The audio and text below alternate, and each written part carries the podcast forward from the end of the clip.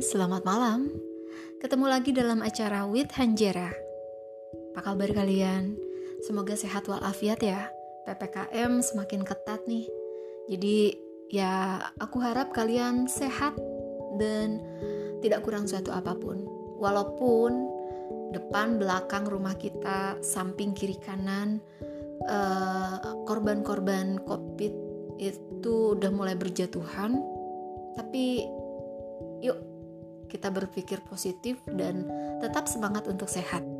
Prokesnya dijalankan, terus uh, tetap makanan makanan kita jaga gitu, makanan yang sehat, terus uh, happy gitu, dibawa happy aja, dibawa enjoy walaupun memang nggak semudah uh, apa ya omongan gitu, nggak omdo doang, tapi kita betul-betul harus berpikir positif saat ini juga karena memang udah aduh levelnya udah mengkhawatirkan ya. E, mudah-mudahan tidak sampai melonjak lagi e, jumlah korban e, COVID-19 ini. Semoga kalian juga tetap jaga kesehatannya. Ya um, malam hari ini memang aku sengaja mau membacakan lagi satu cerita hasil karya dari yang berjudul Imelda. Imelda, iya. Imelda ini karyanya dari Daisy, uh, salah satu penulis di Dream juga. Dia aktif. Ada beberapa ceritanya yang, hmm, apa ya?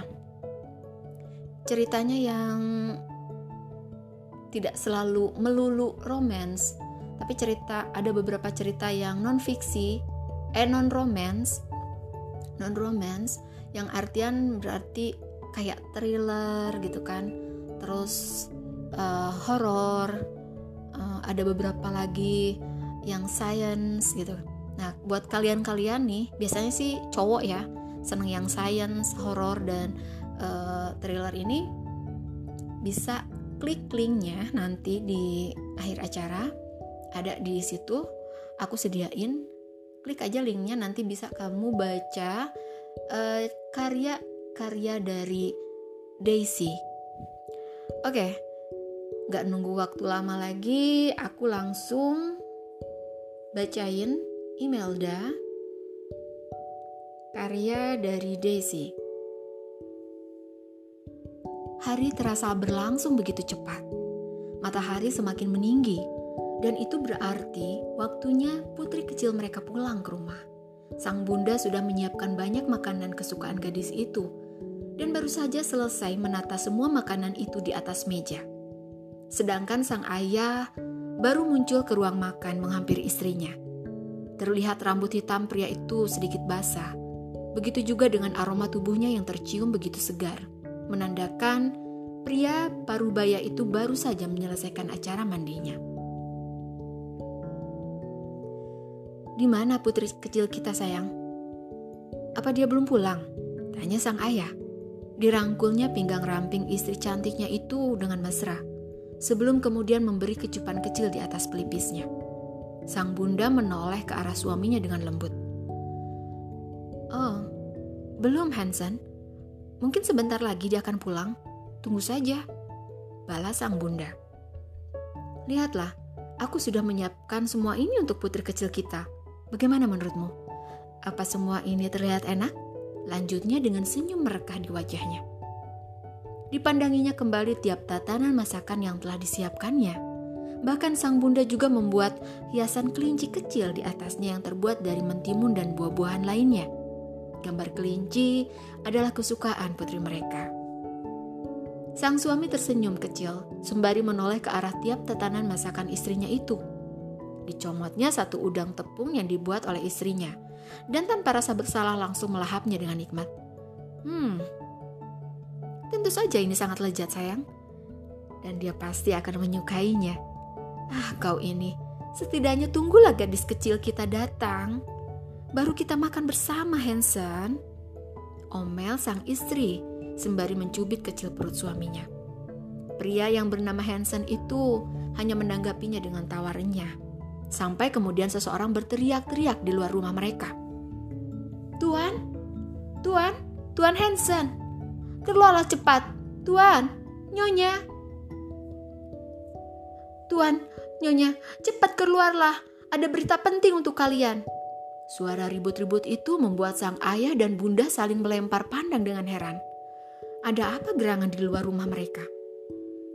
Dengan sigap sang ayah lebih dulu melangkahkan kaki menuju pintu utama, lalu diikuti dengan sang bunda di belakangnya. Sang ayah membuka pintu itu lebar-lebar dan keluar menemui orang-orang yang berteriak di depan rumahnya. Mereka berdua cukup terkejut dengan banyaknya orang-orang yang berdiri di luar rumah mereka. Dilihatnya beberapa di antara mereka terdapat teman-teman seusia Imelda yang juga ikut berkumpul di sisi orang tua mereka dengan muka sembab dan pucat. Sang bunda yang juga menyadari hal itu mulai merasa tidak tenang. Bukankah seharusnya anak-anak kecil itu bermain dengan putri mereka saat ini? Hah, lalu di mana putri kecilnya sekarang? Kenapa Imelda tidak ada di antara mereka semua?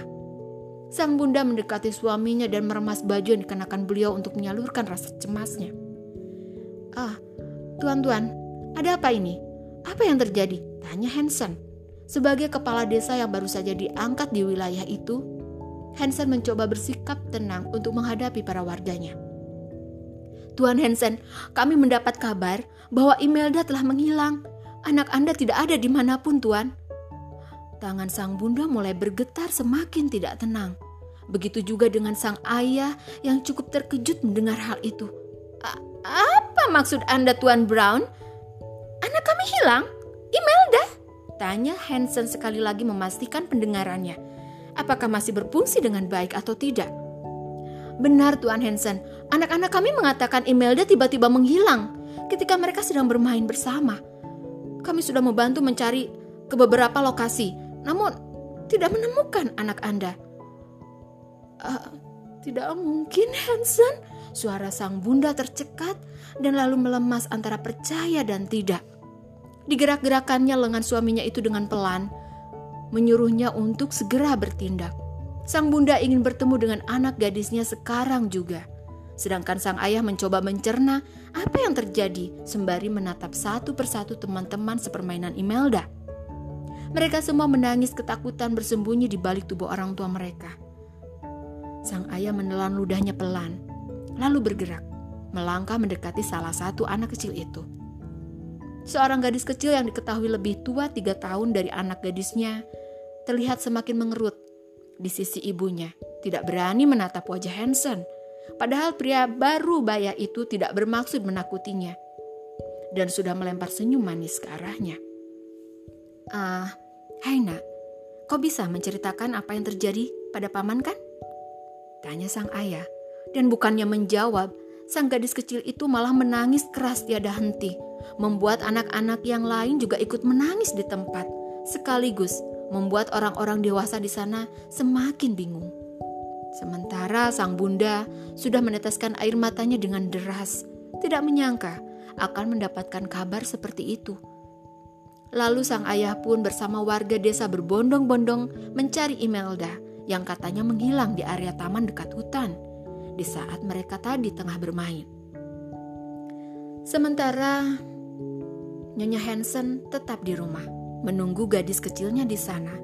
Jika saja sewaktu-waktu gadisnya itu pulang. Tanpa mereka sadari, sejak hari itu kehidupan dan ketentraman desa mereka akan berubah. Ya, itulah Imelda dengan sub uh, judul Si Haskan. Uh, Daisy ini penunggu desa ya Imelda. Si Imelda ini kayaknya lucu anaknya. Dan buat kalian yang masih penasaran ya siapa tahu penasaran dengan uh, bagaimana kisah selanjutnya. Apakah benar Imelda menghilang di tepi hutan di sana? Atau uh, barangkali dia main-main dulu ke tempat yang lain. atau misalnya memang iya bahwa Imelda diculik oleh sesuatu atau seseorang? Ah kayaknya kalau untuk membuang rasa kepenasaran kalian bisa klik linknya nanti ya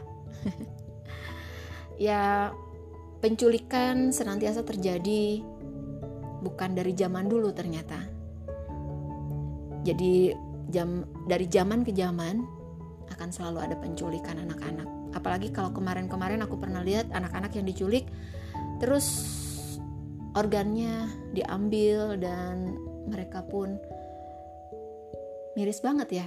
Kalau misalnya memang betul-betul hal itu ada begitu kejam yang melakukan hal itu. Dan organ-organ mereka itu di apa? diperjualbelikan di pasar gelap, baik itu ginjal, hati, jantung. Wow. Dan mereka tidak mendapatkan apa-apa, tidak mendapatkan ganti rugi, tidak mendapatkan uh, apa ya, semacam penghargaan dari nilai material misalnya. Tidak sama sekali, bahkan mungkin kalau misalnya mereka akhirnya harus meninggal, mayatnya mungkin dibuang. Uh, mengerikan. Fenomena yang seperti ini uh, miris ya, dan memang terjadi. Aku pernah dengar di India ada yang kayak gitu. Terus uh, di Amerika, entah kalau yang di Indonesia ya, aku belum dengar yang secara spesifik. Cuman ya aku harap sih jangan sampai anak-anak yang lucu itu harus seperti itu.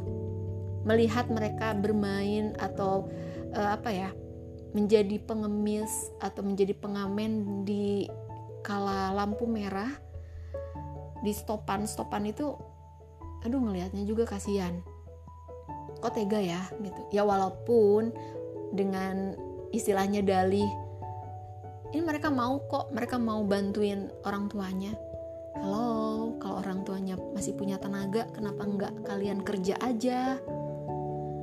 Usahakan kerja gimana pun caranya. Jangan biarkan anak-anak kalian yang mencari nafkah, mak, walaupun masih ke, apa, apalagi masih kecil gitu, dan itu nggak banget deh. So, makasih banget buat kalian yang udah mampir di podcast aku. Dan buat penulis yang udah mau karyanya dibacain. Um, makasih buat Desi. Makasih juga buat Raha Hesti. Makasih juga buat uh, Abdi Nana Rantau uh, Rini terus Riandra Bioljang dan Andrea Doria Sheila Munggah banyak nih. Makasih banget. Dan next kita ketemu lagi. Sehat-sehat selalu, tetap semangat untuk jaga prokesnya. Selamat malam with Hanjera.